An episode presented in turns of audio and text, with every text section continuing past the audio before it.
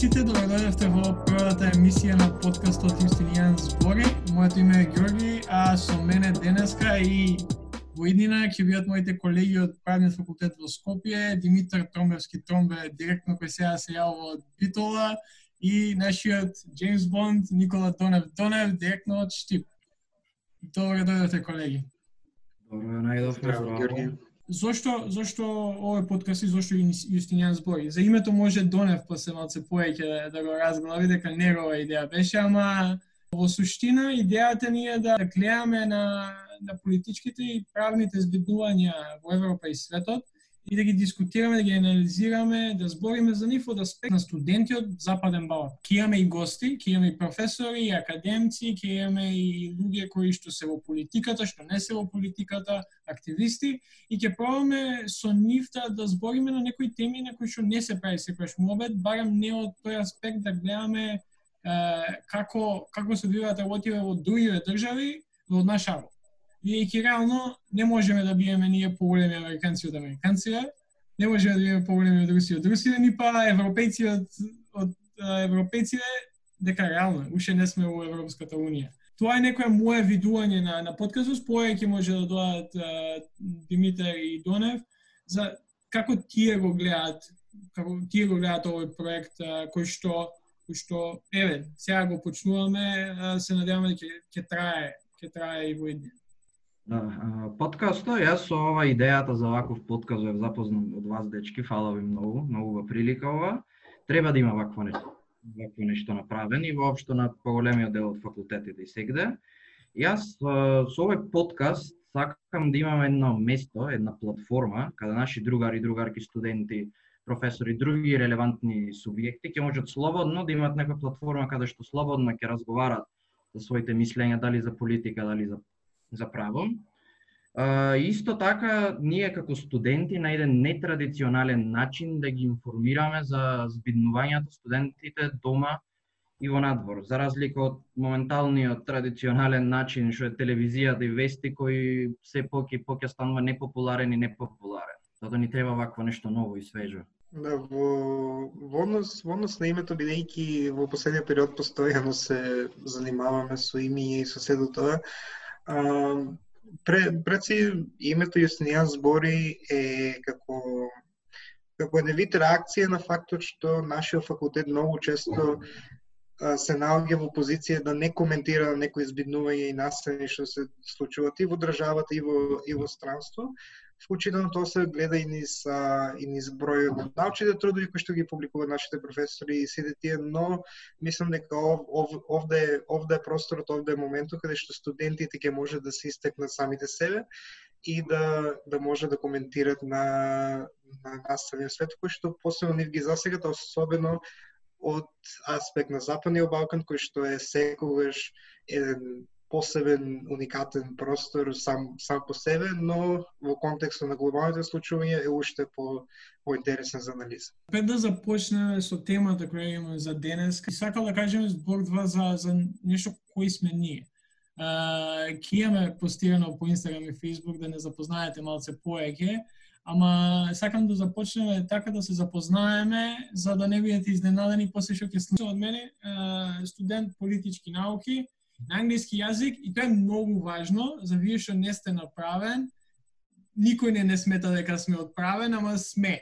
Имаме политички, имаме на англиски јазик, така што мора да кажам тоа и, и ќе го кажам скоро секој подкаст за, за поготово за некои луѓе студенти на правни студии кои што не не сметаат за, за студенти на правен, ама не и се, а, да не навлегувам да, да не да не навлегам толку многу во тоа. А, спортски фанатик сум, освен политиката што ме интересира.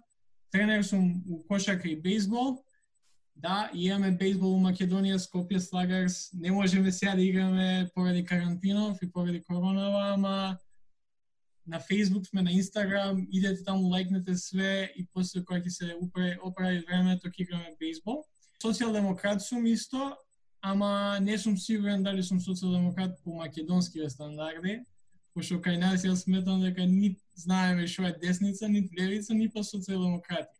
Така што по идеологија социјалдемократ, ама за кај нас комплицирано е малце. Димитар Донев, што ќе кажете вие за вас? Здраво, ајде се редом и мене јас да се представам. Димитар Тромбевски, обвијас од името. Роден Битола, студирам направен. Љубовта, иначе, со оглед на тоа дека сум направен, јас сум еден од тие, иначе Георги, што мислат дека тие на политички науки се дел од правен, пошто политиката и правото се многу тесно поврзани. Не може едното без другото. Но имат многу слични работи. Од мал јас се родив љубовта кон правото и кон политиката, Ама таа љубов кон право и поготово кон политика ми се консолидира во 2016 година со изборите, го запознав Брни. И во тој момент и мојата левичарска идеологија потполно и се консолидира, затоа што најдов еден човек кој што во 99% од случаите се, се согласувам, кој е искрен и реално сака да му помогне на, на работниците, што Во политиката, поготово во Македонија, редко се наоѓа такво нешто. И во, и во свето може да е единствен пример во историјата за такво нешто. Ама ајде, ситуацијава е сега таква каква што е, ќе видиме каде ќе оди, сето тоа, и да се надаваме дека се ќе види во ред и во Америка и кај нас, и со коронава, и дека подкастот ќе биде една одлична платформа за да се искажеме собствените мислења јас сум Никола Донев од, од Штип, но еве сега сум има можност да студирам на правниот факултет во Скопје. Инаку на правни студии и Георги морам да кажам дека не ја негирам потребност од политички студии на нашиот факултет, ама правни студии се правни студии, мораме да се признаеме. А, Инаку, идејата да студирам посебно во делот на обшествените науки се појава прилично рано а, така што веќе некаде при средината на моето средно образование се консолидира идејата да, да одам на правен факултет, но никогаш не бев сигурен дали на политички студии или на правни студии, но откако запуснав професори од, од правниот факултет, се одлучив конечно за правни студии при запишувањето и искрено не сум го а, немам немам посебни коментари бидејќи досега ми било добро. А, моментално инаку работам и на правната клиника во Беговско право, која што е програма на правниот факултет а, и сите оние кои што нели сака да се приклучат, тука сме. Така што се случуваат работи на факултетот, се случуваат работи надвор од факултетот, но но пред се овде сме за токму за тоа да збориме. Да, фала ви, фала ви на двајца. Мислам дека сега веќе може да започнеме. Темата денеска ни е интересна. Најчесто подкастите нема да имаат само една тема, ќе збориме на повеќе теми, ама сега не знам дека и тојца некако ја делиме иста слична или идеологија, поготово за оно што се случува во Америка. Па така решивме уште од старт да, да почнеме со Америка, да, да збориме малце за Брни, малце за Трамп, малце за демократија, Бајден да го спомнеме исто. И, и на крај ќе завршиме епизодата со гостување на студентскиот лидер Борјан Ефтимов. Тој ќе се придружи а, во оваа прва епизода и со него ќе зборим за, за тоа како студенти се справуваат со корона, како новото студентско а, организирање функционира и, и за многу други тоа на крај. А, сега сега предлагам да да почнеме со со темата која што ни е денеска, Тоа е Берни Сендерс и Америка.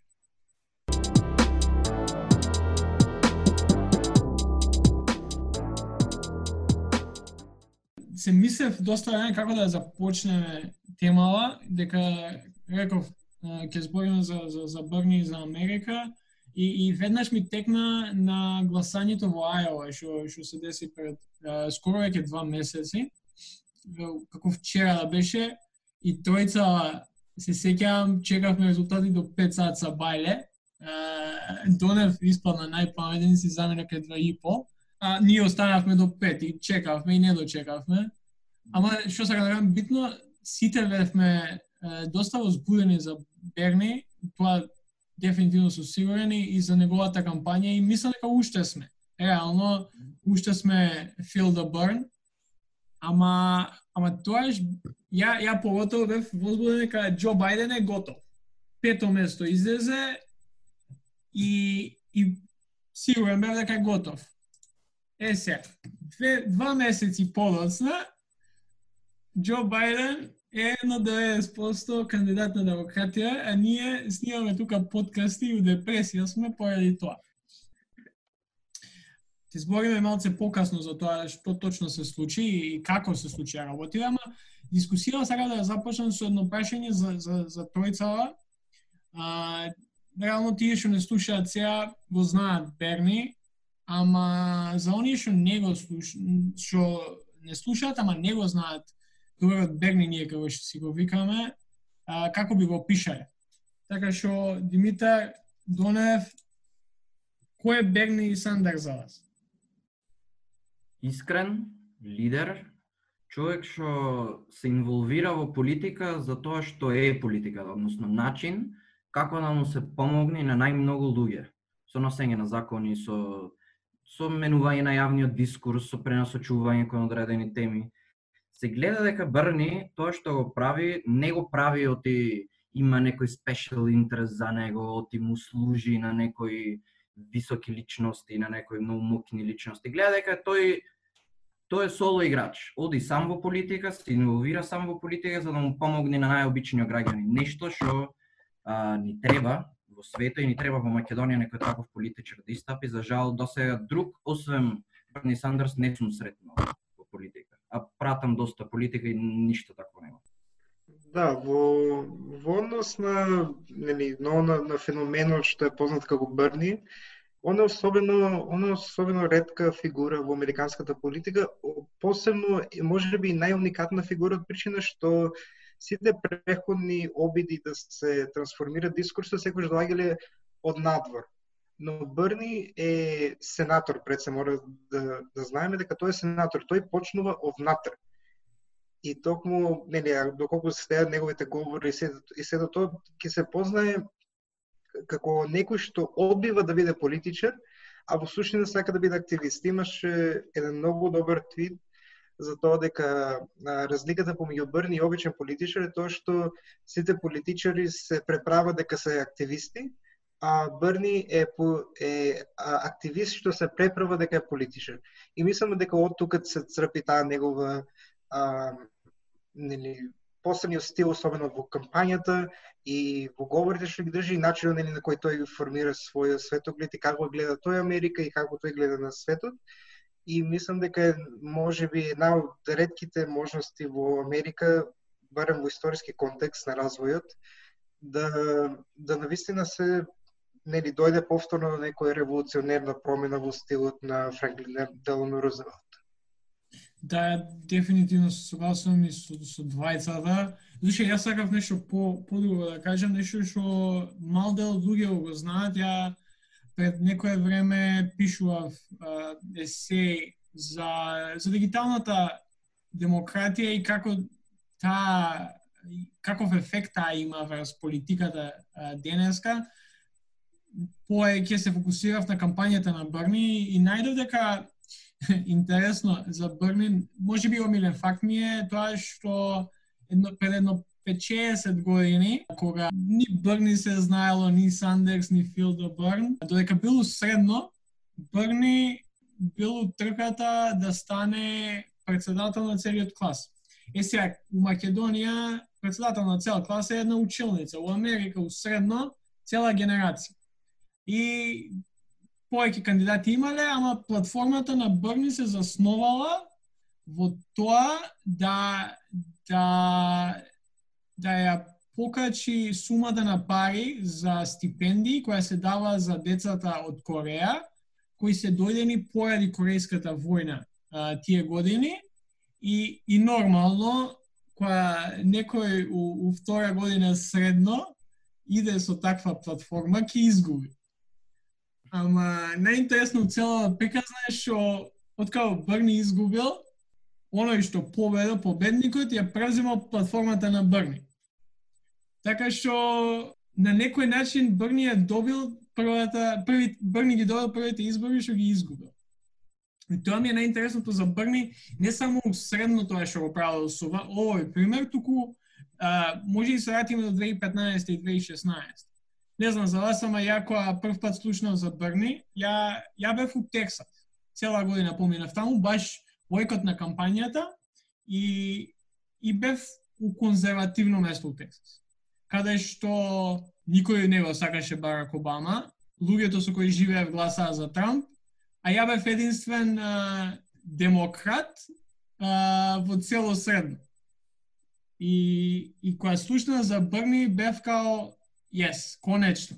Конечно некој кој што кој што ќе ги збори тие работи што треба да се зборат, како што Димитар ти спомна преска. Некој кој што стварно се залага за луѓето, стварно сака да направи нешто. Не е политичар, активист е у душ, ама за, за, за тие околу мене беше радикално. Не знам дали се сеќавате, ама што се него нарекува? Комунист, социјалист. Сега да кажам дека радикален беше Брни уште од старт. Радикален по некој амерички амерички светор. Ама што се дешава сега? Се дешава да а, здравствено осигурување за сите или Medicare for All е станува се по поголем мејнстрим се поголема мејнстрим идеја. Бесплатно школување за за сите. Исто мејнстрим идеја, идеја станува. И, и ред други работи за кои што Брни се залагаше, иако изгуби, као и што изгуби и усредно, демократија или барем еден подобар дел од демократија се залага таа идеја да не сгасне со поразот на Берни, туку да продолжи. Тоа ми е нешто за Берни, нешто што ме фасцинира и што ја не сум некој кој што сака да идолизира луѓе, ама ако треба да најде некој политички идол, тоа би бил Берни. Да, во, во, во, во суштина, ако, ако се погледне програмата на Брни, таа после 2016 беше, голем дел беше преземена како официјална платформа на, на демократите. И истото тоа мислам дека ќе го видиме од причина што Брни Сушус не е некој кој што го ствара бранот на прогресивност, туку тој го вози бранот на, го сурфа на еден начин бранот на прогресивноста, од причина што барем она што е по-младата генерација на американци го очекуваат такви прогресивни платформи. Тие повеќе не живеат во некој во некоја илузија за тоа дека можеш сам самостојно да да стигнеш до врвот од нели од различни а, економски структури и се до тоа, но можете да на Брни токму во тоа да да го мобилизира дискурсот на начин и да го а, и да го премости и да го заврате во текот кај што треба да оде, а тоа е нели прогресивниот пат, барем оној прогресивен пат кој што Брни го замислува. А, иако, иако Брни доста избори има има изгубено во неговиот живот, ама пак некако, на некаков начин неговите идеи победват.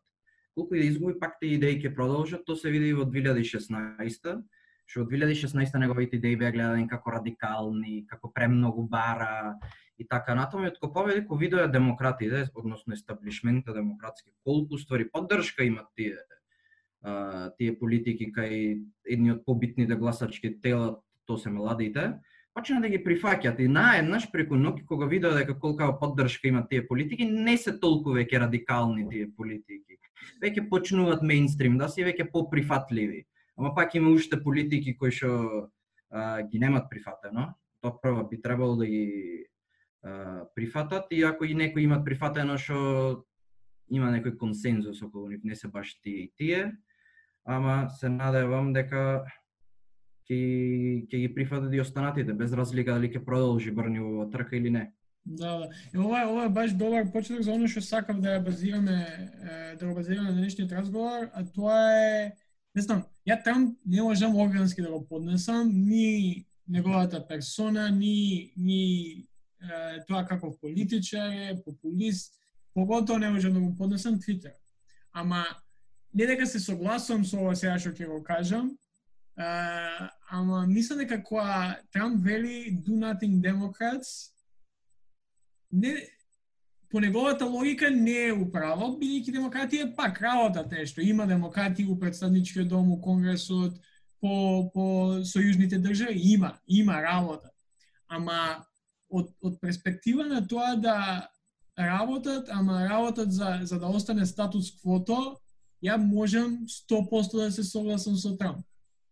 не знам за вас, ама за мене има едно три политички партии моментално у, Америка. Тоа ти е Трамп и, и републиканците, конзервативната база, кои што реално има три три платформи. Едната е да внесат што поеќе нивни суди у федералниот систем на Америка. Другата е да, да им дадат даночно лестување на нивните дон, а, донатори. И трета е вториот амандман. Мада реално тоа спаѓа у првите две. Така што гледано две, две идеологии имат и Трамп сега им се појави као спасител кој не, не знам, не знам за вас, ама кај мене најинтересно ми е кога некој ќе ќе кажеше за Трамп дека го кажува она што американците го мислат. И буквално е така.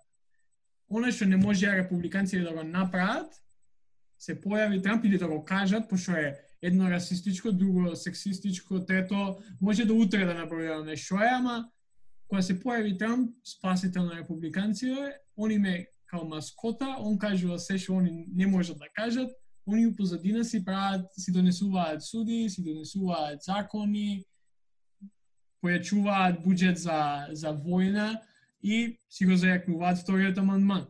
А, на другата страна е Берни. Берни или Демократив Socialist во Америка. Као, реално, моментално не е партија, ама кога, кога и да е, ќе добие поголемо влијание и И тоа е тој прогресивен дел од политичката сцена во Америка. Е се у центар ти се демократи. Убаво каже Димитар Преска, establishment. Као корпорат демократ. Кај што не сакаат ни лево, ни десно. На моменти мислиш дека повеќе ќе сакаат там да им е председател колку Брни. Пошто ако Брни стане председател, тоа значи дека статус квото се менува драматично и никогаш нема да се врати на ниво на кој што демократија би сакале. Да, они пак ќе се согласат на некој минимум или некој компромис со Брни, ама знаат дека веќе еднаш кога Барни или некој како Барни ќе стане председател у Америка, демократија се готови со ваквата политика која што има. И, и, и затоа ја мислам дека там ќе биде па председател. 2024 пак ќе имаме мо овие муабети, тогаш се надевам, не знам, не може Оказио Кортес да да биде кандидат, ама некој као нив да биде, но жал ми е што што ја гледам оваа слика и знаеш тажно е да гледаш демократи као слеп за стап се се се фаќаат за за центар. Што ќе кажеш ти? од прогресивна страна, from the progressive side, Do Nothing Democrats е најдобриот збор како можат да се опишат демократите. Оти буквално за нешто да направат, за да го за да одат потаму од статус квото, да направат нека прогресија општество, ништо не прават, апсолутно ништо. Јас се надоврзам за тоа колку партии уствари има во Америка, има една интересна квота на Чамски, што вика дека во Америка уствари има една партија со две фракции Ствари истата идеологија имат, само буквата пред името е различна. И двете партии сакат uh, corporate welfare, иако републиканците се прат нешто многу антисоцијалисти, ствари нивната темелна нивната идеологија corporate socialism. Да му се дај пари на корпорациите за без пари. Welfare for the wealthy. Буквално тоа е. И што спомна за тоа дека демократите може да би сакале поќе Трамп да види од Брни, јас сум убеден дека сакат поќе Трамп да види од Брни, пошто Брни ако дојди, самата нивна финансиска состојба и мок ќе биде многу поразлична од сега што е. Дефинитивно, дефинитивно и, и ова мислам дека најдобар пример може да се види а, како досега се одвиваат а, демократски избори за, за, за кандидат за председател. у еден момент имаш 17 луѓе, после тоа се намалува на 5 сериозни кандидати, имаш Брни, имаше Елизабет Уорен за која што не сакам да правам муавет сега, као не сакам да ја спомнеме, uh, иако е битна у, конверза, у разговорот, не сакам да зборам за неа, имаш и неа, Имаш Џо Бајден кој што поранешен подпредседател, о, као, чекај сега, да, да, да го кажам точно, као што Џо Бајден би рекол, о, о Бајден, о Бајден Бама демократ, како беше? Ја ја го заборев, ама и го имаш него, и го имаш Пит и, и Еми Клобуча, кои што се центристи у, у трка. И кога видоа дека не може така со, со Брни, на два дена пред изборите у, во, во Јужна Каролина, прво Пит, после Будиџеч и за мене најголемо разочарување Бето Бето Рор. Не знам за вас, ама ја Бето го обожавам 2018. Као поготово дека у Тексас имаше реална шанса да победи Тед Круз. Ама откако го подржа Џо Бајден на ден пред изборите во Јужна Каролина и плюс се нема да навлегувам у конспираси теории, само знаеме дека и Обама има има прсти вмешано во сето тоа, као јавна тајна е, Бајден превзема водство, го прегазува Брни во Јужна Каролина, за наше изненадување на Супер Tuesday, победува повеќето држави, во еден Вашингтон Стейт победи. И, и, и мислам дека здружувањето на, на центристите, на moderates, as they call it, ти најголем показател дека они уствари сакаат там да победи. Пошто, ај сега, не знам, да не идеме толку далеко, ама како победи Хилари Клинтон? Победи бидејќи младите не излегува за неа да гласаат, победи бидејќи прогресивните гласачи највеќето или не излегува или гласаа за за за зелената партија. Значи остане. Остане. Не знам. Да, не, мислам, мислам дека као во конкретниот случај имаш као микс меѓу две работи, но тоа е нели начин на финансирање на компаниите, на тоест на партиите, кој што е под директна, нели под директна засегнатост од донорите. Разликата што ја прави Брни е што тој не зима од корпорации, тој зима од народот. А, и друго нешто што е случај е самиот електорален коледж, кај што специфично е направен за за изфилтрирање на такви на такви работи. Иако технички Хилари победи со 3 милиона повеќе гласови, електоралниот коледж е така поставен да ги да да даде а, да даде председател кој, кој што нема да диверзира многу од од, од некои рамки. Не, не, ја ја тотално се согласувам. Мислам дека републиканец нема да победи во бројот на гласови уште едно 20-30 години. Реално, да у Калифорнија полацијата расте, Нью Йорк исто, тоа сега корона, може малце да да направи некој проблем, ама ама реално работа е таа. Републиканците нема да победат меѓуред. Ама битно е кој ќе победи у Мишиген, кој ќе победи у, у Висконсин, кој ќе победи а, кој ќе победи по кој ќе победи у Тексас е битно. Пошто реално Брни имаше шанса, Брни има шанса да победи Трамп у Тексас. Бајден не верува. Ама ама да не забераме толку да да дирел дирелнеме темата. Таа е. Примерот ти ти кажува јасно да знае. Него сакаат брн. А, ја баш дока се спремав за, за, за епизодава, најдов еден мој пост кој го напишав после Ајова, изборите во Ајова, а, и, и, па, и тогаш напишав демокративе не го сакаат Брни за председател и ќе направат се, макар и там да го имаат пак, да, да, не, да не биде Брни председател. Не знаеме дали Брни би го победил Трамп, као реално тешко е да се победи incumbent president, ама ама од мој некој мој некој гледиште мислам дека најдобри шанси Брни имаше против Трамп. И Џо Бајден ја нема таа енергија за да победи. Реално. Да, ми, мислам, мислам дека ова фактор што, нели, како што ти велиш, демократите во наводници сакат Трамп да биде председател, се вклучува добро со и со последниот а, пакет пакет за економски стимул кој што го донесе Конгресот за а, поекот на коронавируса за подпомагање на економијата. Да. Димитар, сакаш нешто поеќе да кажеш за тоа? Ќе кажам, да, да, има има многу што да се кажува.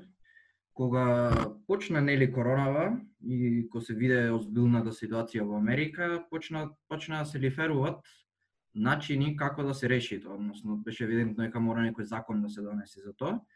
И самата администрација на, на Трамп од почеток даваше некои хинтови од прилика што ќе види и многу изненадувачки беа хинтоите и беа ултра левичарски од некој аспект.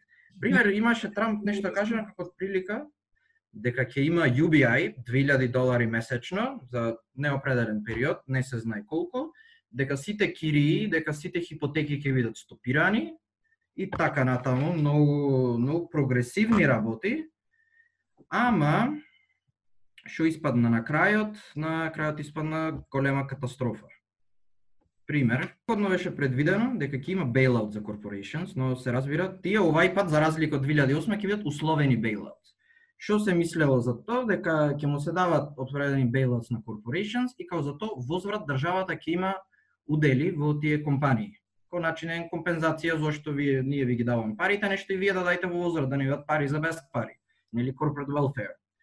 Но се разбира дека тоа беше too good to be true, то не се случи. Со новиот закон што го донесоа, што е според мене катастрофален, предвидено е 1200 долари за по човек за еден месец, one check и 500 долари за дете, кој се разбира во Америка, не се доведете, Джоре, ти знаеш од прилика каков е стандардот во Америка, не е воопшто доволно тоа за да се преживее еден месец. Една недела не е доволно. Една недела не е, а камоли еден месец. Но што е интересно и зошто зошто викам нека овај овај закон а, е многу штетен за работниците. За разлика од бейлаут што моментално не се условени, овие пари кои што му се дават на работниците се условени. Односно, дека треба да имат а, поднесено определени некои даночни документи во таковна во годините 2018 или 2019 до IRS, ама проблемот со тие даночни документи е што голем дел од работниците и луѓе со ниска заработувачка немале потреба за поднесување на такви документи. И се прилика 30 милиони жители во Америка, кои што се многу сиромашни, ќе го немат услова да ги добијат и овие 1200 долари, што се разбира не се доволни, ма пак колку толку се некаква помош. И то нема да го добијат. И се разбира, многу е битна да се спомни улогата на демократите во оваа ситуација. Значи имаме закон кој што е многу анти анти антиработничката да, класа, антисиромашните и демократите не направија апсолутно ништо за да се спротистават на Трамп.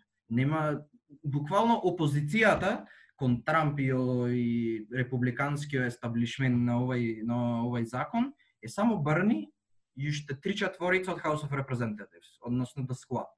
Толку, апсолутно никој друг не се замара да му дај некоја опозиција и обструкција на на Трамп. Да. И се разбира, иако колку толку лош законо, America's Dad, Bernard Sanders, comes to the rescue и додаде еден член во законо кој што а, му озможува на избраканите работници да му биде платена платата 100% до 75.000 долари годишно.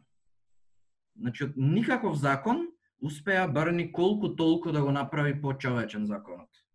Тоа е, тоа, тоа мислам дека кореспондира со тоа што зборавме преска за Барни каков, каков политичар активист е И баш кога збореше сега, дека реално и у Македонија и, у, и во Америка луѓето не, не се не се замаја толку за политика. Не. Не се као нас да гледаат 300 шоуа на YouTube, да, да чекаат секоја епизода на Карл Кулински или The Young Turks или да на Twitter да ги има да ги следаат сите кои што се релевантни во оваа ситуација и не знаат Знаеш, и да има демократи кои што се обидуваат да направат нешто, надвор од Барни и, и, и компанијата околу него, луѓето нема да дознаат. И, и тоа е фактор. И само то, тоа што Трамп успеа, че пред само мислам пред недела дена ја кога гледав сега сме 30 кога го снимаме ова пред недела дена Bloomberg излезе Bloomberg.com, не Майк Bloomberg, излезе со со статија дека approval рейтинг на Трамп за справувањето со короната е 60%. Нормално. Реално кога има кога нема опозиција кон некој, кога нема да му увидиш на граѓаните, на поголемиот дел се неинформирани граѓани што се дешава во ментална ситуација, кога нема некој да, да ги упати граѓаните што е грешно, ќе мислат дека е во ред. А еве, еве денеска излезе со изјава, не знам колку го знаете, докторот Фаучи беше со Обама, која Обама се справуваше со Ебола, беше и пред 40 години со хив сида која се справуваше Буш, постариот, сега е со Трамп, и, и излезе денеска со изјава, мислам вчера беше за CNN, а, изјави дека очекуваат околу 100.000 жртви во Америка. И, и, и, и нај, нај го читав артиклот на CNN и, и, и вика Fauci said they strongly argued with the president on not, not lifting the guidelines. So, требало докторот да се кара со Трамп за бидејќи овој сакал да ги укине мерките поради тоа што доаѓа Великден, а он нели голем христијани, не, па Великден сака да слави. И, и на еден таков председател да му дозволиш да има 60% approval rating за коронавирус, што ја мислам дека уште и ќе расте, и да дојде до, до за него највисоки 49 approval ratings, мислам дека не може ама понеспособен да си, као не знам, ВМРО у Македонија по, по, по добра игра цела ситуација со Боко Ристовски, као, кој ќе не спасува економијата. Ама, значи, во моментот, мој став е, и мислам дека и ќе се согласите дека Демократската партија е најнеспособната политичка партија у свет. Do nothing Democrats. Многу добро ги опишва, одлично. Тоа е. Не знам ја што поеќе да кажам. Ја, јас имам коментар малку на неактивноста на демократите. А, овде малце е симптоматично тоа што тие во во, председ, во председателството на Обама додека ги држат двете а, двете куки на Конгресот, тие не сватија дека дека слушајќи со Обама има на свој модел кој што нели беше до некаде изигрување на прогресивно на нели на, на тоа прогресивно движење кој што тој го мобилизира во во 2008 а, тоа тоа што тоа што ти него сваќа да Брни го сушот повторува е дека за да помине еден закон, сушот тебе ти треба поддршка од страна на граѓаните. Што што прави што правеше Обама? кога републиканците не му дозволува а, одреден закон да помине во Конгресот, тој излаваше надвор со граѓаните, бараше од нив подршка и или тоа ги притискаше републиканците да го гласа законот, или или тој одеше со executive orders. А, друго нешто што се случува, исто да го прави и Брни. Тој а, не само што нели предложува амандмани, туку излегува надвор и држи нели митинзи, држи таун холс, каде што ги замолува неговите а, неговите соработници, неговите подржувачи да да ги да вршат притисок колку што може да повеќе врз својот конгресмен или врз својот сенатор со цел да се нели да се гласа на амандман.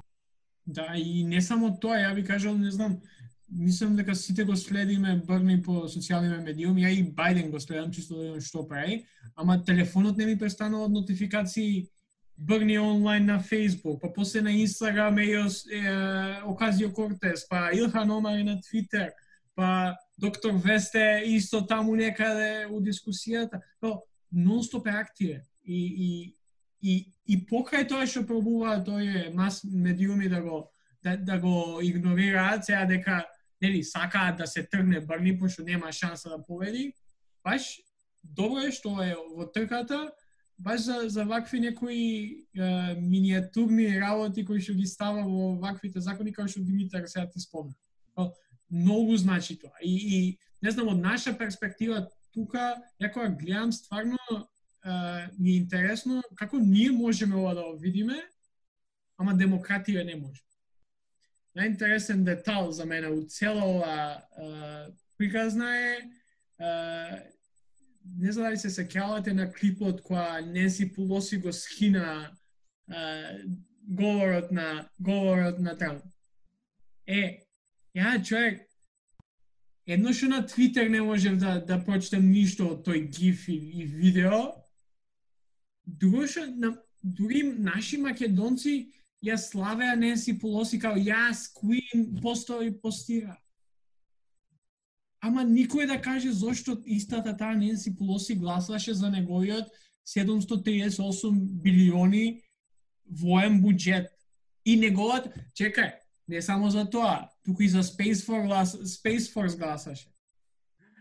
Као, и истата таа Ненси Пулоси, кога дојде време да подржи некој во трка у Тексас, го подржи најголемиот поддржувач на Трамп од Демократската партија, а, а не ја подржи 26 годишната адвокатка е, за имиграција, која што дојде на само 4 е, на само 4% да го победи истиот тој Трамп демократ. Не си Полоси му отиде у дистриктот, беше у неговата кампања, држеше говори за него. И сега ние, ние губиме као јас Queen, као му го скина, му го скина говорот. И што направи со тоа ако му гласаше буџетот? Ништо, апсолутно ништо. И затоа ме нервират establishment демократите што се многу а, со, со дупли стандарди. Од една страна, викат ние сме многу woke, woke politics, гласајте за жени persons of color, а од друга страна, како што спомна Циснерос, мислам дека беше во Да, да, Тексас, Джесика, да. млада, млада, млада девојка, адвокатка, woman of color, што е репрезентативна за тој дел од Тексас, не ја не ја поддржува, туку поддржува некој десничар, демократ десничар, демек демократ. Исто истото и се случува и со Тулси Гебард. Еве, Тулси Гебард е апсолутна депикција на, нив, на нивниот woke movement. Жена, of color, ветеран, и плюс доста доста конзервативци ја сакат неа и на, на и на секаков начин пробаат да ја отцрнат по медиумите. И многу таа та, тие дупли аршини ме нервираат многу кај демократите. Поготово кај Ненси Пелоси. Да, не можеш, кога не си Плоси не можеше, како што Никола Преска спомна, во време на Обама со, со и представничкиот дом у нивна контрола и конгрес и сенатот у нивна контрола, ништо да не можеш да направиш. Сега да му играеш, како што ќе каже Трамп, а кога видовме реално Мич Меканол, си игра House of Cards со, да, со, со нив. А, прво, ај сега, малце да се вратиме на Обама. Обама реално 60% од времето не можеше ништо да донесе, освен со некои executive orders, бидејќи републиканците му кочеа се. Без разлика тоа дали е добро или лошо. Му кочеа се. Мич Меканел уживаш. И сега ужива Мич Меканел. Така што не е многу променето од, од тој аспект, ама а 40% од, од времето беше у економска криза. И, и као, без разлика што е да мислиме за Обама, иако ја у моментот не сум голем фан на Обама, заради се што се издешаваше у, у оваа сезона на избори во Америка, ама реално не си Пулоси не научи ништо од плейбукот на републиканција. Не научи како треба да се однесува со нив. И жал ме. он, он, он, оно што морам да го признам на, на Мич Маконел и на целиот тој на целата таа група на републиканците во Конгресот е тоа што Мич Маконел се покажа како прав мајстор на парламентарната процедура. Буквално знае се до детал и тоа е повторно една редкост во Конгресот. Има еден пример од некаде, мислам, на некаде после граѓанската војна, каде што исто така има еден, еден многу моќен спикер, спикер на на Конгресот, каде што тоест на Сенатот, каде што буквално ако некој ако некој праша нели дајте ми го деловникот за работа на Сенатот, тие само ќе да ќе ти даде тоест портретот таа личност. Не само да се сеќавам на името, но повторно Мич Макано е вистински мајстор за оно што се вика парламентарна процедура и мислам дека на оттаму треба малку да учат демократи. Дефинитивно, дефинитивно. А, ама, реално, на крај на денот тоа е што е. И од тука не може ништо да направиме.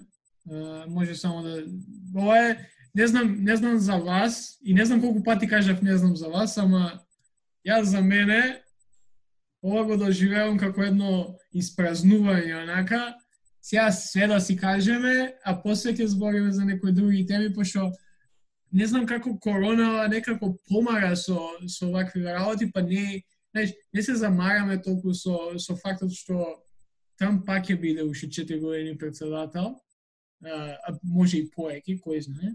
А, ама бар корона не, не, не натерува да мисли на други работи, ама сепак мислам дека убаво така што што можеме да, да седнеме да, да кажеме се што, што, што ни лежи на душата за, за, за оваа тема. Иако луѓе ќе ја слушаат, а, баш ќе биде интересно фидбекот што ќе биде. Сигурно се надевам дека ќе биде добар, ама мислам дека после десетата минута од овој рент што тројца да го имаме ќе не исклучат. така што што и да кажеме сега нема везе. А, ама мислам Донев ти имаше добра добра тема убаво да затвориме така тема да да да да зборевме за Берни, за Трамп, за демократија, ама дај да затвориме што ќе се деси после корона со сад пошо како што кажа преска Фаучи не е баш позитивен и 100.000 луѓе за жал најверојатно ќе ги загубат животите. Што понатак? Да, со, со COVID-19 дефинитивно е а, мислам, ситуацијата е страшна, да не се лажеме, иако сепак останувам надежен, но оно што е јасно од некоја политичко-правна правна гледна точка е дека дека овој вирус буквално ќе го смени правниот поредок на во стилот исто како што беше свето после 2001, нели да 19 септември 11. А, оно што е Оно што за мене особено важно е што сега авторите пишуваат како како тоа ќе изгледа светот. Така што има две две колумни од uh, The Nation и Foreign Policy. Uh, Foreign Policy редакцијата да сушо собра на 12 12 автори и натера всушност да напишат како ќе изгледа светот после а, после коронавирусот, а The Nation има интересна колумна за односно ефектите кои што кои што овој вирус ќе има врз глобализацијата, односно авторот во, во таа колумна предвидува дека дека оваа пандемија единствено ќе го забрза оној процес на сегментација на глобализацијата, така што ќе имаме ќе имаме многу повеќе блокови на региони на светот кои што ќе така што државите ќе мора да изберат каде да се приклучат а, во однос на тоа како на, дол, на долгорочен план ќе се одвива, најголем дел од авторите во колумната на Foreign Policy предвидуваат дека евентуално демократијата, нели како што знаеме денес, ќе се, се повторно воспостави, но искрено јас сум малку скептичен на тоа од две причини најмногу. Прво затоа што немаме време, имаме екзистенцијална криза од од глобално од глобални климатски промени. А друго е проблемот што очигледно е дека ќе имаме оскратување на некои граѓански права, но сега, за разлика од а, 2001, сега имаме на ниво на биополитика, што е многу пострашно. И сега, за бидејќи биополитика, за да не навлегувам во, во некои постмодернистички теории, но оно што, но оно што за мене, мене тоа ме највеќе плаши, но сепак останува да да видиме што ќе се случи после пандемијата. Да. Пред да продолжиме со следниот дел на, на подкастот, и сакал да, да дадеме некои наши предвидувања. Што што сметаме дека ќе се деси во, во однос на темата што зборавме и, и а, во однос на ова сега што Никола спомна, а, не дека нема да збориме пак за Америка, ќе збориме. А, кај се кај се гледаме кај кај го гледаме светот и кај гледаме Америка за едно месец ден. Ајде, да не идеме толку дали. За едно месец дена Америка јас ја гледам во една многу голема сериозна здравствена криза, пред се системско здравствена криза, Пешо има председател кој што не несериозно е сваќа оваа ситуација со коронавируса, ситуацијава е се посериозна и посериозна како што врват даноите Нели, излегва на сред бел ден и вика сакам црквите да бидат преполни за Великден. Катастрофа на сред пандемија тоа да го збораш треба да си комплетно игнорантен кон ситуацијата. Во се гледат каков лидер има Америка, гледам многу дека многу сериозна ќе биде ситуацијата во Америка. За жал многу луѓе ќе го изгубат својот живот.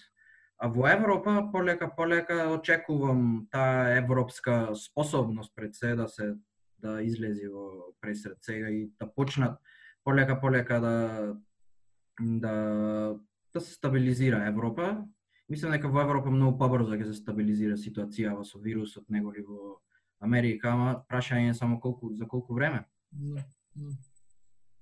Моја, моето предвидување во однос на ми, да, мислам дека дефинитивно ќе согласам со Димитар дека Европа многу побрзо ќе закрепне, од што сега е моментот на градење на на Европската унија во вистинска смисла, е ова еден од тие клучни моменти кои што ќе биде запаметен, дали ние ќе Европа ќе се префрли повторно кон националната држава или државите ќе погледнат и граѓаните кон унијата како начин за подобра координација. А во однос на САД, мислам дека сепак ќе продолжи ситуацијата и наредниот месец, а, и мислам дека ќе биде добро прогресивците да го искористат тој бран нели на на системска криза за да за да потекнат една нова промена и нова, нова подршка за нивните политики. Да, за ова само што го кажа за системската криза. Баш затоа се се воздржувам да кажем дека, дека трката за Брни е завршена, пошто сега со ова со коронавирусов и ова ситуацијава апсолутно статус квото е комплетно променат. Веќе поќе нема да се разговара за војни буџети, за не знам foreign wars или така нешто. Целосно фокус на цела кампања ќе биде за Medicare for all, за катастрофалниот здравствен систем, мислам дека барни тука многу ќе добие поени и се разбира пасивноста на Бајден многу ќе изгуби за него. Ако се и плюс мејнстрим медија почнуваат малце кон барни агенда да доудат, веќе ја сваќат сериозноста. Така да мислам дека иако најверојатно е завршена, уште не е завршена битката да на Брни. не може оптимист бев до до пред месец помалку од месец дена, ама до пред корона бев. Не може. Едноставно највеќе од себе сакал да не сум управо, ама не би сакал да ги да ги дигнам my hopes up too much. Uh, предвидување некое мое, не знам. Мене некое предвидување Добро, ај, ај кидам од, од Македонија ќе почнам прво и не мислам дека некојаш би помислил да го кажам ова, ама ко за земја која што за премиер го има Оливер Спасовски, а министри ни се Нина и Наке Чулев. Мислам дека полови сме од Америка во моментов. тоа не можам да кажам дека е целосно благодарение на, на Филипче, ама дефинитивно начинот на кој што тој се справува е многу полова и од начинот на кој што не само там се справува.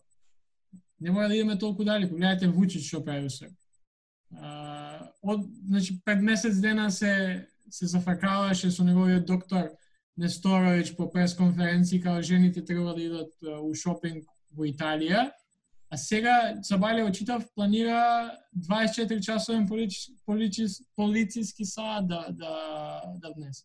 Така што од, од таа страна можам да кажам дека Македонија е моментално побезбедна. Е сега, да не ги урочам нашиве, Сметам дека ситуацијата ќе стане полоша пред да биде половра. Како за Македонија, така за Европа, така и за Америка. Се согласувам во погледот дека Европа мислам дека ќе се консолидира побрзо и, и имаме конечно таа шанса да да направиме Европа како што треба. Не не како што беше до сега. И, и се надевам дека стварно ќе ќе ќе успее во, во ќе успееме во тоа сите заедно и не и ние добивме сега датум, па може малце да се тапкаме рамо, нека сме дел од, од, од тоа друштво. А за Америка, не знам, ја кога го спомна Димитар за ова за црквиве, ја христијанин сум, протестант, ја практикувам својата вера, ама там is no Christian. Така што и и се ова што има кажено и за Великден, и за црквата, и за се. Се тоа популизам и, и стварно ми е жал што што ги користи тие работи за вакви цели и сметам дека ќе му се одбиат глава. И штета што нема по, по компетентни штета што нема по компетентна опозиција. Тоа ми е единствено. И се надам дека добрите специјалисти и доктори таму бак ќе ќе спасат некој живот. Да. Добро, мислам дека може да продолжиме со следната тема. Сега мал джингл ќе пуштиме да се одмориме и ние, па Да. да ќе кажеме збор два за што се дешава во, во државата и светот, а после имаме интервју со Борјан Ефтим.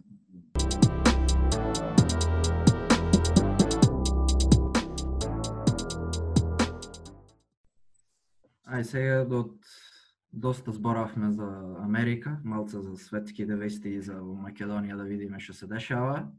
Моментално сме 30 март, што се случи во деновите предходно. Влеговме во НАТО, знамето ни во крај наја, видовме церемонијата, химната таму, со говор на, Стол, на Столтенберг и на нашиот представник. За жал празно беше, само двајца да беа и војниците со оглед на коронава. Ама што е тоа е, барем сме во НАТО. ЕУ добивме, не, не добивме датум, ама добивме препорака за почеток на преговорите. Датумот дури во јуни, ако не се лажам, ќе ни го ќе ни го објават кога е, треба некој тим да се собери, така нешто. И третата и последна точка со вестите, за некој жална, за некој срекна, ќе видиме тоа гледачите нека си кажат, Борис Џонсон confirm корона. Добро, добро, ова, ова, ова за Џонсон, дај да го да го завршиме прво. Е, реално не сум, знаеш, не е убаво така. Е, Да, не е убаво, да, за некој срекна, за некој жална. Да, ама начинот на кој што мислам дека и кога се шпекулираше за Трамп и за овој од Бразил, Болсонаро и за еве сега и за Џонсон кога се потврди, мислам дека не е добро, ама се надевам дека ќе ја сватат работата сериозно. Веќе е сватена, Да. ама, ама мислам дека и, и сакам барем да да признаат дека сгрешиле и да иако не верувам, поготово ликови какви што се тројца што ги направив, не верувам, ама барем у себе да знаат дека сгрешиле. Нема да престанам да му ги да се ракувам со болни, така имаш повеќе од 4 грама мозок. Ја. Не верувам у карма, ама тоа е најблиско што што сум видел од карма до сега. Да. Ова за за Македонија, дај да да поразговарам дека очигледно е сега го почнуваме подкастот, немавме кога да збориме за кога се дешава сите работи со Грција, Преспа, ИМЕ и, и НАТО и ЕО. Така што која е некоја ваше видување? Јас знам за мене не сум среќен дека ни го сменија името, дека ни се смени името, ама сум мислам дека успехот да се направи договор со со Грција, да се направи преспански договор, кој што реално гледаме некои придобивки од тоа, мислам дека е најдобро стварување на владата на Заев, а, иако не влеаме. Многу ми е иронично што Заев нема да биде премиерот кој ќе не кој не внесе УНАП. А, и, и тоа мислам дека не го знам Заев, ама мислам дека многу му е криво сега. ама, регаглес, ке, јас си продолжувам да ја викам Македонија, секојаш. Реално. Не сум од оние што ќе ќе се дерат никога северна само Македонија, ама сметам дека одлуката беше исправна, уште кога се направи. Гласав ја на референдумот, така што ја подржав и, и сега сум не ми се свиѓаат многу од, од политиките на, на владата на СДСМ во моментот, ама ова е едно од оние кои што се покажа како добра работа. Да, убедливо надворешна политика имат според мене 10 од 10 владата. Што се однесува до проблемот со името, за секакви прашања што се однесуваат на идентитетска политика сум голем противник. Апсолутно мислам дека идентитетска политика треба да биде ирелевантна во секојдневното живење. Мислам дека нешто што идентитет е длабоко субјективно и не нешто што е напишано на договор, не може мене да ме дефинира што сум и кој сум. То јас јас и се дефинирам кој сум. И затоа бев поддржувач на, на договор, иако што пиши во договора нема да го смени тој јас како се чувствувам, кој јазик го зборувам и така натаму. Така да бев поддржувач на договорот. През поуште сум поддржувач, излегов на референдумот и мислам дека беше добар со оглед дипломатски гледано беше соодветен договор направен. Значи имаше консензус и од едната и од другата страна. А што се однесува до самиот проблем со името, ме нервира фактот дека Грција не условува за нешто комплетно ирелевантно. Да добиеме да влеземе во НАТО и во ЕУ, да смениме нешто што не е директно никако поврзано со интеграција со ЕУ и со НАТО. То, то условување малце ме изнервира. Да, по, по политичко процес на добивање национален консензус во двете држави воопште не беше лесен и реално и сега немаме национален консензус, но станува уште времето да видиме дали и колку ќе издржи а, по политички и правно самиот договор, така што барем барем за мене се уште се уште е рано малку да се каже. Па добро, мислам дека кажавме се што имавме, што сме заборавиле ќе кажеме во следната епизода. Сега може да уживате во интервјуто со, со лидерот на студентите, Бојан Ефтимов, а ние се слушаме за, за некои други теми следната недела.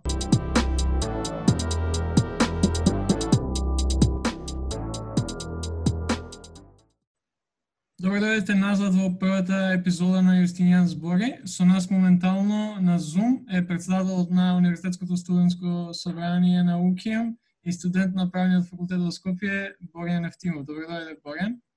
Добро е најдов на Zoom. е па не може, кога, да. кога мислев како да почнем разговорот, бев као, дај да кажем у студио, ама не сме у студио на Zoom сме, па знај, мора, мора и реклама малце за нив да даеме. Да, да. Да, и не помогнаа многу. Да, уште пари нема од нив, ама валја ќе стигнат за едно месец. Да. Па, ама не се, кога размислував како да почнеме овој разговор, планирав да збориме за, за собранието, за како се справува, справува со, со потешкотиите сега околу короната и редови работи, ама бидејќи сега завршивме со гледање на лайвстрим со Слава Жижек, дај да започнеме од таму за за оние кои што не го знаете Жижек, а не слушате сега во моментов штета, бидејќи еден од најголемите и најдобрите политички филозофи и мислители на денешницата и наистина топло да прочитате нешто од него. За вечера за доста интересни работи он збореше и, и верувам дека ако почнеме сега да анализираме, ќе ни требаат уште 3-4 подкасти да завршиме. Да. Затоа ќе ќе го поврзам се до тоа со нешто што веќе го дискутиравме на на денешниот подкаст, а тоа е Сати Берни. Знам дека и ти си еден од оние кои што го чувствуваат Бернот, колку само интер... глупо македон... на македонски звучи, ама... Све е поглупо на македонски, не само тоа. Многу непоетичен јазик има. Да, да, да. Какво е, какво е некој твое видување за што се случува сега во, во САД и, и со председателските избори и кај гледаш да, да одиме, тоест да оди Америка од, од овде? абе, ви, прво година и пол ја следим кампањава. Си вака со вас дека и се знам лично и сме правеле муавет и стварно импресивно како се движеше. Буквално не не може да се предвиди поише од следните две недели што ќе се случува, не па долгорочно. Мора да кажам дека јас се разочарав, ако се ако гледа некој, ако не гледа некој уопште, ќе се чуди како може да се разочара некој за избори во Америка, ама за ние што следиме passionately, како е пасионирано е, тркало во Америка, стварно мислам дека беше разочарувачка. Uh, као што кажа, јас сум uh, исто, како и вас двајца, feeling the burn. И за мене Берни Сандерс прво е еден од нај, најголемите левичари што се појавил во последниве 50 години, сигурно, ако не и подолго. Е, се има многу левичари туристи што не што вика дека он е социјалдемократ, неговите политики се преблаги, меѓутоа мислам со самото појава на Берни и менување на целиот политички дискурс во САД, а, придонесе и, и инспирираше многу млади луѓе не само во САД, кај што имавме како Александро Оказија Кортес и други не толку познати како Илхан Омар, Рашида Талеп и многу многу други млади луѓе да се вклучат во политичкото, да се вклучат во политиката, се развива сериозно прогресивно лево грасово движење во Америка, ама не само во Америка, Берни и во целиот свет. Мислам дека инспирираше многу млади луѓе, па и, и нас ние тука што сме се сметам за активни луѓе и дефинитивно таа ниво успешно приказна дополнително мене лично ме мотивира да се вклучам и да бидам активен, да се обидам тие прогресивни леви идеи да како можеме да ги да ги промовираме и да се збориме за истина. Тоа што се случи на америчките избори за мене е фиаско, тотално имаше узурпација на целиот демократски процес. Демократскава партија буквално мислам дека му е украдена номинацијата. Бајден као кандидат тотално нема никакви, апсолутно никакви шанси и при ваква кризна ситуација во Америка да победи против Доналд Трамп и не Бајден не е ни кандидат, Бајден е ништо, ниту има политика, ниту има капацитет да артикулира било каков став подолку од една минута, така што за жал исто како од 2016 очекувам очекувам Доналд Трамп да победи, не затоа што е добар, туку затоа што демократите пак избираат да се да се борат за враќање кон нормалноста. Сега, така иде тоа. А, имаше и сега на подкастов од Жижев, од Жижек, а, добра поента. И за посткорона ситуација, враќање кон нормалноста цело време се збори, кон каква нормалност сакаме да се вратиме, каква е нормалноста во Америка, кон која демократскиот естаблишмент цели да се врати. Така што не знам колку ти идејата сега да навлагаме во демократска трка, ама мислам дека е, едина позитивна работа е тоа што се поише и поише млади луѓе во САД се вклучуваат во демократски или во политичките процеси се вклучуваат и тоа допринесува за позитивна политизација на младиот човек и долгорочно, долгорочно овие идеи мислам дека се незапирливи, не може да се спречат без разлика колку и да се труди естаблишментот, тој тоа кога викам естаблишмент, мислам и на републиканците и да, и Доналд Трамп е дефинитивно дел од естаблишментот и иако неконвенционален, меѓутоа политиките му се исти како и на мејнстрим републиканските политичари и демократскиот естаблишмент од друга страна која е само републикан лайт. Не нема нема некоја голема разлика. Меѓутоа мислам дека прогресивните сили со текот на времето преку политизација на младиот човек ќе успеат да се наметнат како сериозна политичка сила и веќе се наметнува. Пред пет години воопшто да се говори за, не знам, во Америка за Universal Healthcare или за бесплатно образование беше комунизам, а денес тие идеи се општо прифатени, па Берни имаше можност во избори да оди уште полево. Следните избори прогресивниот кандидат ќе му уште полево ќе го влече дискурсот, бидејќи Америка моментално е надвор од секаков политички спектар. Тоа е тоа што за америчкиот политички спектар е некаква левица радикална, во Европа би било ад бест социјална демократија. Така што добро е што младите се активираат и наметнуваат наметнуваат еден нов дискурс. И тоа го направи Берни Сандерс. Без Берни Сандерс никогаш немаше левицата во Америка да се Ке да, да. останеше на оние мали, мали, мали, си ги викам, секташки организации, Тоа што има многу и кај нас, нели се се собираме десетина левичари, вака како по нас, си правиме муавет и останува тоа ограничено. Бернија внесе во мейнстрим левата идеја. Да, и малце иронично дека 76 годишен е, човек сенатор од Вермонт ќе го направи тоа, ама благодарни сме му за тоа. Нема да нема да навлегуваме толку дека ние со со Димитар и Никола зборавме до 40-45 минути за за сето тоа, па мислам дека малце може да се да се повторуваме пак, бидејќи Да. се знаеме и делиме некои исти мислења и Да. ставови. Да, се слагам со тоа што сте го збореле, иако не е. Ама знаеш. Да.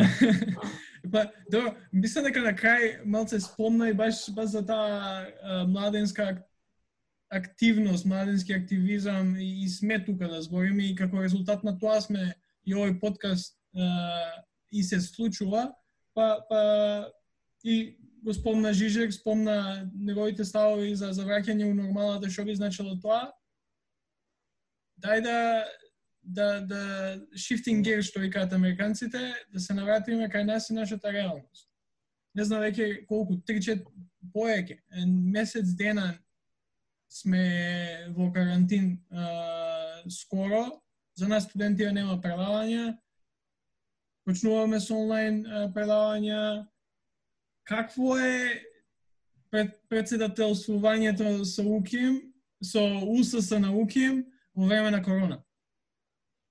А, Какво е? А, Прво, ви коронава колку колку што е трагична, има и некои сайт benefits, некои мали среќи у целава несреќа што нас наоѓа. Односно не притисна УКИМ, а и сите универзитети да од држава некако забрзано тргнаа кон дигитализација и испадна и дека не било толку тешко да се превземат крупни чекори да се дигитализира. Не знам, од кога почна кризава, искрено најголем фокус, најголем фокус на цело универзитетско студентско собрание беше прво да се откочи наставата и мислам дека релативно добро извршивме задачата од тој поглед, бидејќи горе-доле, пак, вие кои имате универзитет со што години и години работел на еден начин, многу е тешко веднаш да се приспособите на, на модерниот текови, меѓутоа мислам дека голем дел од студентите слушаат предавања, што е успех и сега останува уште оној од од 90 до 100% да стигнеме. Да речеме сега 80-90% од студентите слушаат предавања, се е напорот сите да имаат можност да слушаат. Да, има има има отпори кај одредени постари професори не се спремни или не сакаат да држат онлайн предавања. Меѓутоа, тука е улогата на УСС и на факултетските студентски собранија. Во следниот период ќе вршиме надзор како се спроведува онлайн наставата и каде може да има подобрување. Тоа е нова ситуација и за нас, не дека ние сме размислувале искрено пред пред месец дена никој не ни знаеше или знаевме дека постои некој коронавирус во некаква Кина за две недели после тоа да го сруши цел општествено економски систем, па и образовниот систем. Да, Така што Тоа кажи, извини. У однос на работава на УСС за време на корона, ако ние кога дојавме тргнавме со некоја амбици... огромна амбициозна програма, све тоа се стопираше, полека се откочува, почнавме да се фокусираме на други работи, ама последниот две недели од кога почна карантинот и од кога престана наставата, главен фокус беше приспособување на универзитетот во време на корона. Во освен наставата, нели значаен дел се административните работи на факултетите, тука исто полека се откочуваат работите, како што гледам дека почнува онлайн да се врши таа административна работа, однос на потврди уверенија. И третиот сегмент се испитите. Е, е денес или кога ќе се емитува емисијава вчера, на 31 март, како и да имавме е, конечно сообщение кај што уште еднаш Универзитетското студентско собрание се произнесе дека е против онлайн полагање на испитите според моменталните услови. Моменталните услови што ни викаат, немаме некаков усогласен механизам за онлайн тестирање кој ќе го гарантира квалитетот. Немаме механизам кој на професорот ќе му овозможи надзор на тоа како студентот а, ги пол, го полага испитот, дали прво, дали навистина тој одговара на прашањата, дали користи некакви помагала за одговарање на прашањата.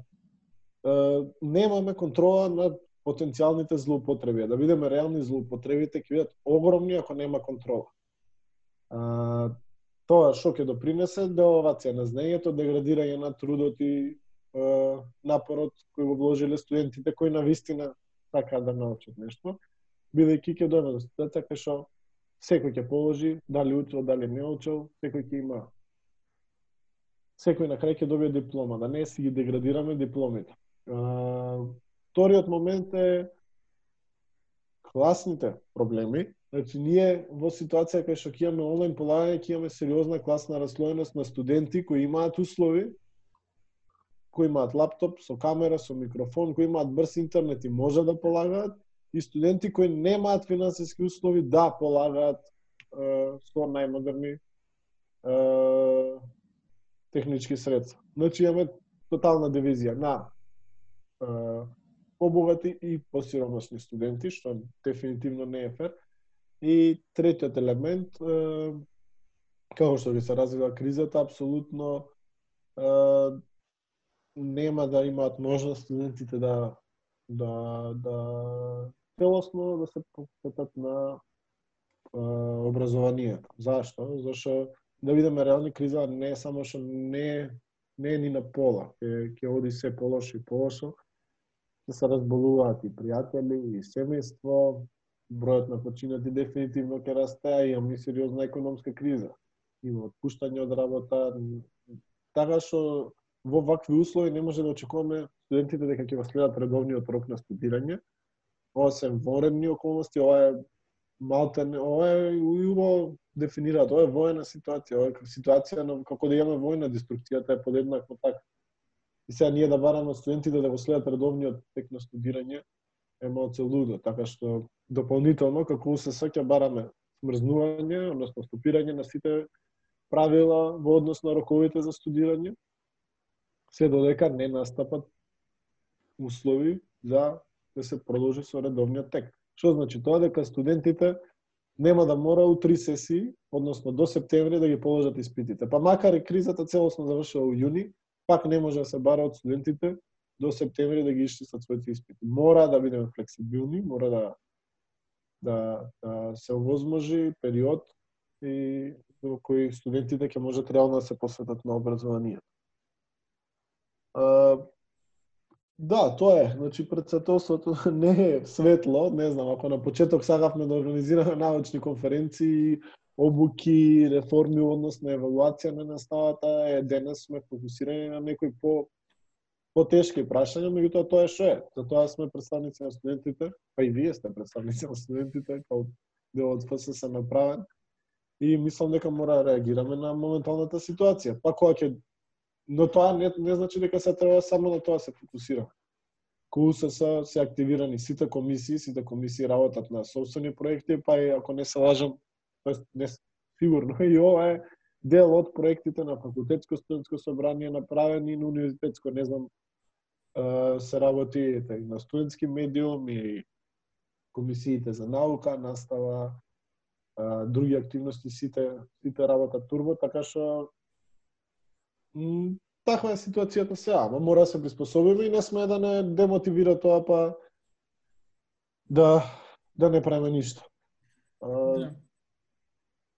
Да, одговори доста прашања кои што би имале ние и, а, да, да. и баш сакам да се навратам за да се нагласи за например ако студенти слушаат сега не слушаат и те слушаат тебе за некои по за кои насоки или уверување или чисто објаснување на ситуацијата за што се случува, да се навратиме на онлайн предавањето и онлайн тестирање, пошто имаме барем овие неколку денови може да видиме студенти со а, со ставот дека онлайн тестирањето, е сега да бидам некој девел адвокат, ама онлайн тестирањето се случува на некои факултети, па дури на не, неколку приватни факултети во државата, зошто УСС и, и како УСС одлучи да биде скроз и целосно против а, вакво а, онлайн тестирање и ти објасни малце, ама подетално прашањето би било зборува за одложување, например, на сесии, за прекинување на тој некој редослед кој што предходел пред короната, ама каков е, каков е фидбек од факултетите и ректоратот, дали има реална можност тоа стварно да се деси? А, па, поише прашање, значи, најде од почеток прво. А, ние као УКИМ мислам дека треба да бараме најсоодветно решение за УКИМ. Е, не ми се свија мене тоа, кај што сега се цитира, не знам толку секој свет се полага онлайн, прво тоа не е точно. За секој универзитет кај што се полага онлайн може да најдеме еден универзитет кај што не се полага онлайн и подеднакво да бидат релевантни. Ете денес на Сорбона најдов петиција кај што студентите исто се борат против онлайн полагањето заради горе-доле слични аргументи кои ние ги изразуваме. Е, така што ние као УКИМ мислам дека треба да се стремиме да на највисок квалитет, на што е можно по по по по високи стандарди и као такви ја не само ја, цел универзитетското студентско собрание со огромно мнозинство, ако не се лажам, преку 20 од 23 факултети беа против полагање поради аргументите кои постојано да ги повторуваме. Онлайн полагањето нема да ни овозможи гаранција за квалитетот, онлайн полагањето е подложно на манипулации. Да, факултетите и универзитетите и универзитетот мора да бидат спремни да излезат во пресет на барањата на студентите, мора да бидат спремни да организираат дополнителни сесии кога ќе се створат услови за тоа и мора да бидат да имаат разбирање дека роковите кои се креирани за за редовни околности не може да важат и сега. И сега за сега мора да кажам искрено дека сум прилично задоволен од тоа како универзитетот и факултетите се справуваат со кризата. Ќе видиме како ќе се движи понатаму. Меѓутоа, начално има, има подготвеност за реализирање на овие барања за повеќе дополнителни сесии бесплатни, за стопирање на роковите кои важат за редовни околности, и се останато што ќе им излезе во пресет на студентите за минимизирање на последиците од мерките за спречување на коронавирус. Е сега, како беа другите многу прашања постои? На, на повеќето, а, едно од, од оние би било како се дојде до, до, до таа одлука, што а, и толку експлицитно се, се изнесува, бидејќи дел од студентите се бунат, демек студентите не биле прашани за тоа. Така што како се дојде, значи вак, на 17 март имаше седница универзитетско студентско собрание кај што се дискутираше оваа тема и понатаму имаше неформални дискусии, меѓутоа немаше до сега немаше спротиставувања. Протиставување во однос на овој став. Значи ние дискутиравме и навистина ги разградувавме сите можности за како студентите најмалку да изгубат, да бидеме ефикасни, а при тоа да не се жртвува квалитетот за таа сметка. Не е дека сабајлени тек на нас. Во Универзитетското студентско собрание има представници од 23 факултети по двајца. Тие сигурно дека својот глас, за својот глас се консултирале со нивните факултетски студентски собранија, повторно каде што има делегати изборни од студентите, представнички систем е, така што сите одлуки се донесени од представници кои ги избрале студентите. На некои факултети факултетските студентски собранија спровеле анкети, спровеле консултации, на некои не спровеле, меѓутоа се консултирале на друг начин. Ева ја, бидејќи сум дел и од студентското собрание, направен. Преку пет пати е постирано во студентските групи кои стават на факултетското студентско собрание и иако немало гласање, студентите можеле во коментари да се вклучат во дискусија, да партиципираат во носењето на одлуки бидејќи не може ние да партиципацијата да ја сваќаме само како гласање. Значи не е само да се гласа, треба и да се вклучи некој во дискусијата, да ги каже своите ставови и немаше, немаше некој немаше голем број на студенти кои беа против момент полагање. Така што дефинитивно се консултирани студентите. Постовите на универзитетско студентско собрание, каде што а, каде што веќе ова е трет пат каде што Универзитетско студентско собрание јасно кажува дека е против онлайн полагање, скупно имаат преку 50.000 рич. Така што не не знам зашто денес се појави, не знам. И тоа е пак е мал мал број на студенти кои била дека не биле информирани, не биле консултирани студентите. Не е точно. Ако немало непосредно референдумско прашање од Универзитетското студентско собрание, не значи дека не биле консултирани студенти. Овој процес две недели трае. Сите факултетски студентски собранија се имаат консултирано, некои имаат правено анкети, некои имаат пишувано постови, така што апсолутно не е точно дека сами делегатите на Универзитетско студентско собрание си ја донеле одлука. Да. Убаво ја ја злабочи цела да приказна баш детално објасна како е да се да се биди дел од УСС и од ФСС во време на ваква криза, но исто така ја спомена и ги спомна и онлайн предавањата и како тоа одреден дел од студентите немаат онлайн предавања околу 10 на 20%.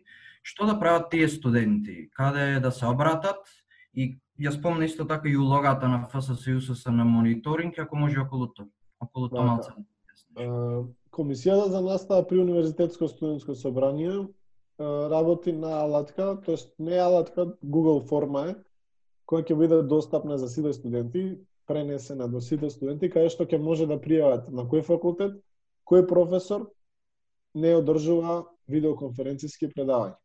Откако студентите ќе репортираат до нас, ние заедно со факултетското студентско собрание на на конкретниот факултет каде што не се држат видеоконференциски предавања, ќе се обидеме да да да издействуваме истите да се случуваат, меѓутоа да бидеме свесни дека одреден дел од факултетите имаат и претежно практична настава која реално според својата природа не може да се одржува видеоконференциски.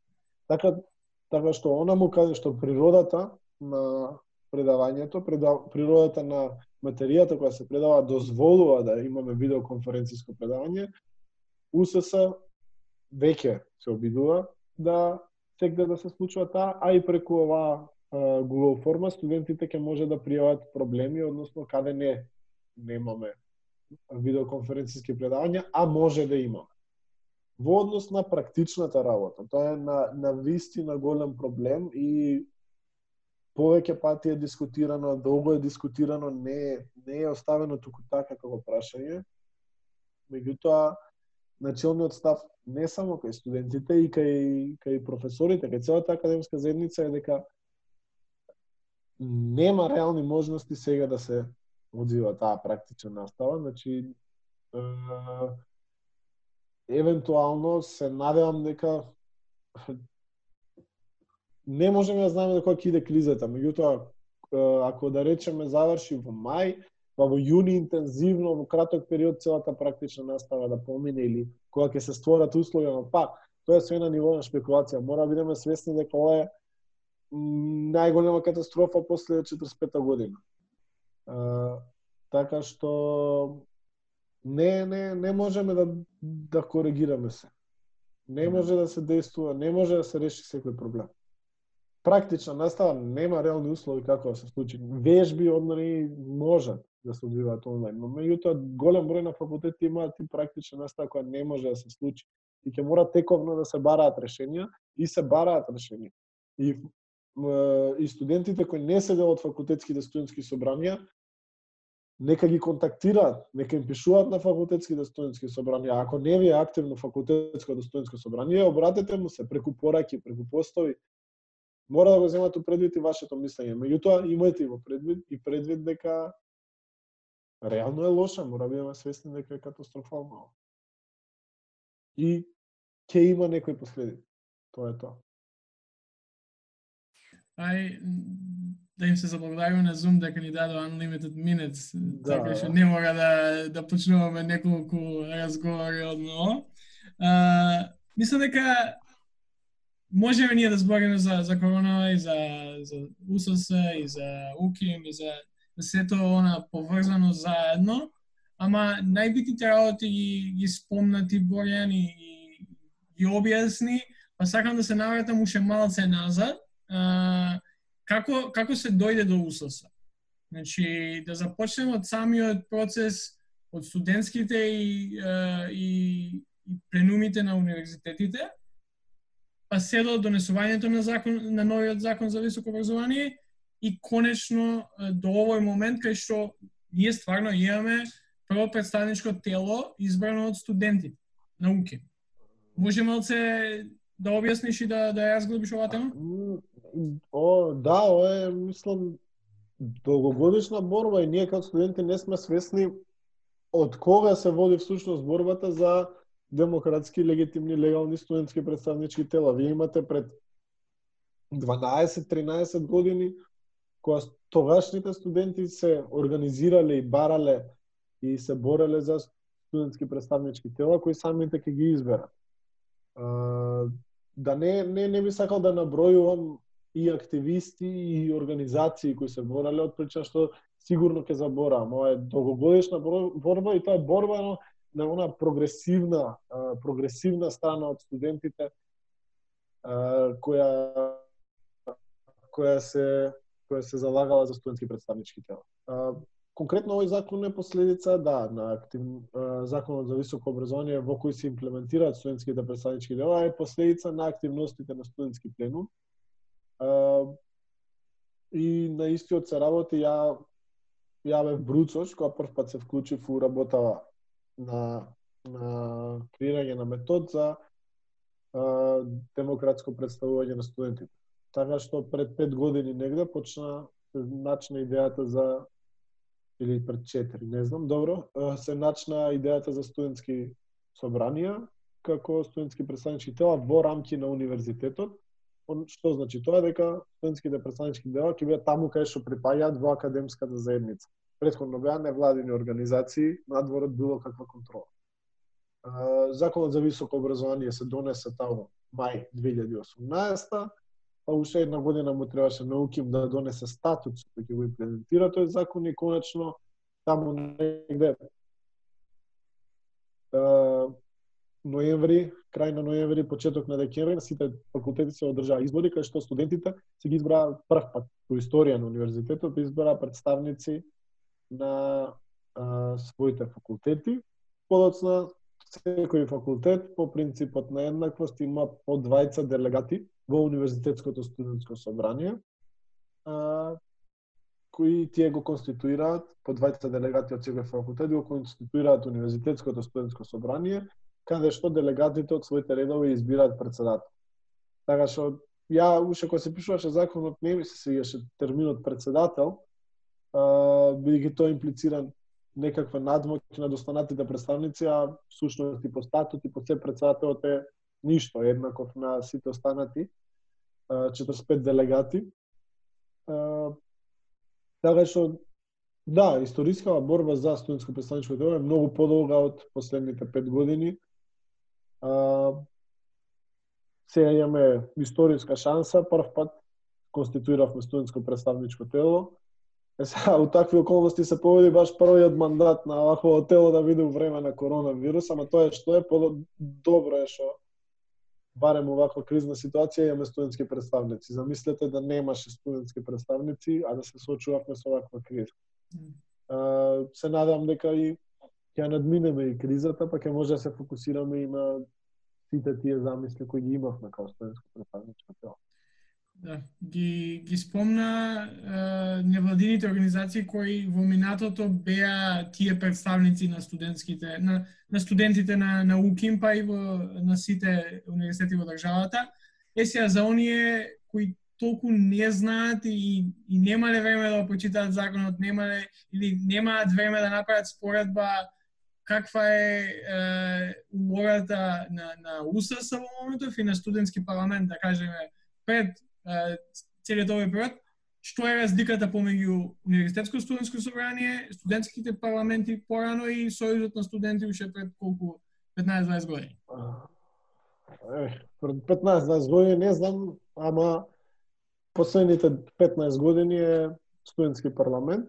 Што е разликата? Студентски парламент беше и се уште е невладина организација, невладина организација која сама со своји интерни акти го уредува начинот на функционирање, па така студентите немаа никаков, иако а, се студенти и таа организација по закон ги представуваше, нема никаков удел во незиното уредување, не се знаеше кога има избори, како има избори, кој ги организира. Значи практично тие самите ги организира изборите во кои што повторно се избира самите или некои кои требаше да бидат избрани и политичките партии има прво не се знаеше колку им е мандат, две години, па со веде четири години тотален хаос беше надвор од контрола на студентите, а бидејќи невладина организација универзитетот се оградуваше, велеше, тоа е невладина организација, не, не можеме да се мешаме, посебен правен субјект. А, значи, као таква, студентите нема никаква контрола, ни како се уредува внатрешно, ни како се трошат финансиите. А, сега факултетските студентски собранија и универзитетското студентско собрание се дел од универзитетот и дел од факултетите, односно внатре во академската заедница. Изборите се ги распишува деканот, се организираат од изборна комисија составена од тројца студенти и двајца професори, значи имаме гаранција и од професорите и од студентите дека ќе ќе ми изазваме телефонот се збудив, ама е неформален е подкастот. А, имаме гаранција дека изборите ќе бидат како што треба спроведени по сите по закон за високо образование, по статутот на универзитетот а, се одржува, мора да се одржуваат секоја година, така што не може вие да имате маршали по 10 години што беа председатели на студентските собранија, по 30 години тие се на студентските парламенти, по 30 години тие уште се занимаваа со представување на студенти. Така што ова значи дека секоја година имаме избори, ако представниците не се завршуваат својата работа, следната година можеме да ги смениме може да се кандидираат сите студенти само со поднесување на кандидатура до архивата, значи процесот е целосно транспарентен, олеснет, имаме избирачки список со бројот на студенти на факултетот, каде што не може да имаме дупло, трупло гласање да гласаат вработени во водовод битола, како што се случуваше порано. Така што целосна демократизација на студентското представничко тело, студентите си ги избираат представниците на својата група, на својата генерација, ако се лоши следната година ќе ги сменат и тоа е тоа. И дури и да заглавите со најлошиот представник на студентите, тоа е една година. Не е 9 години. Тој да студира цело време различен факултет само за да биде представник и да нема никаков контакт со студентите.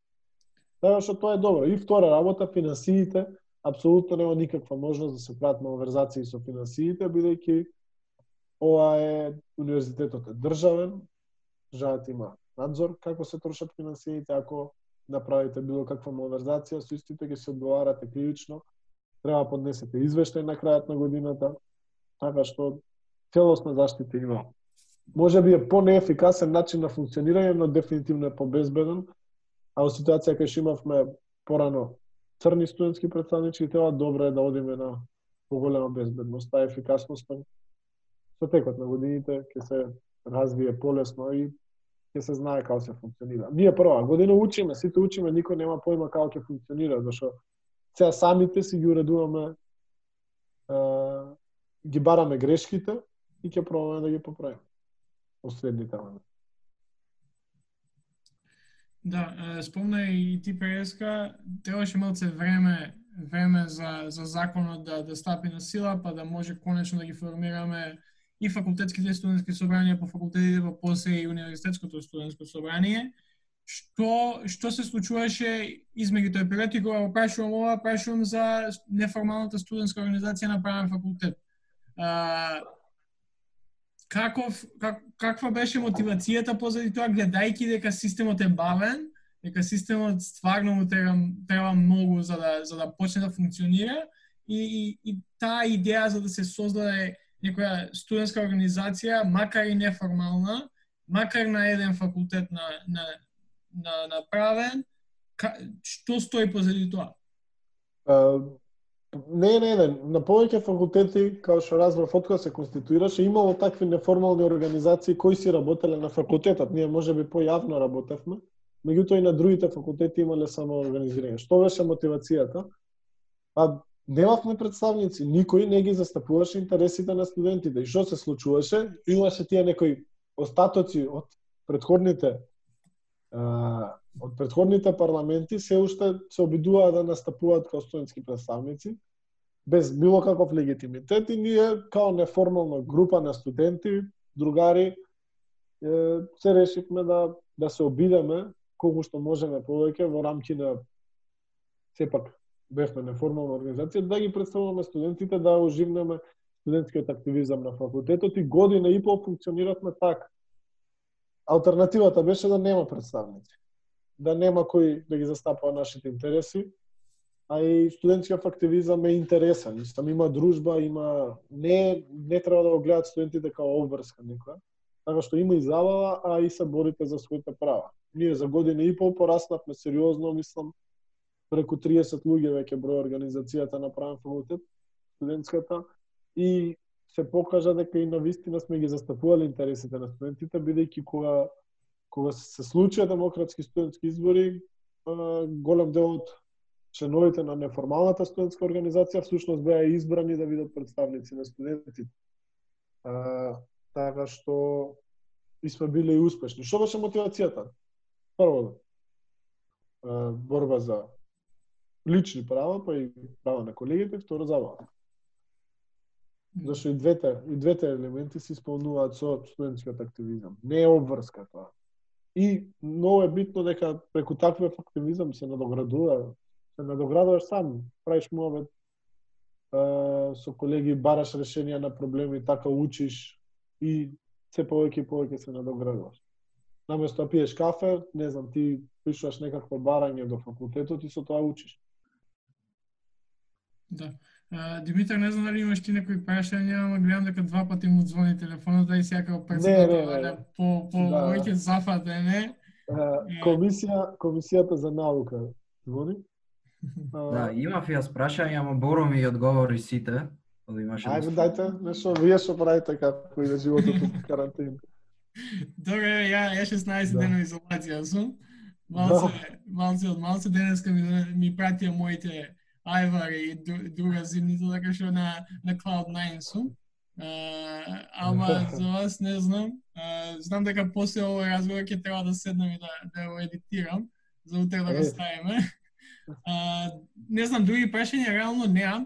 Uh, мислам дека, че многу зборавме ја Димитар и Донав едно 45 минути, се уморивме и сега уште толку, а и некој кога ќе види два сати да не слуша. Да.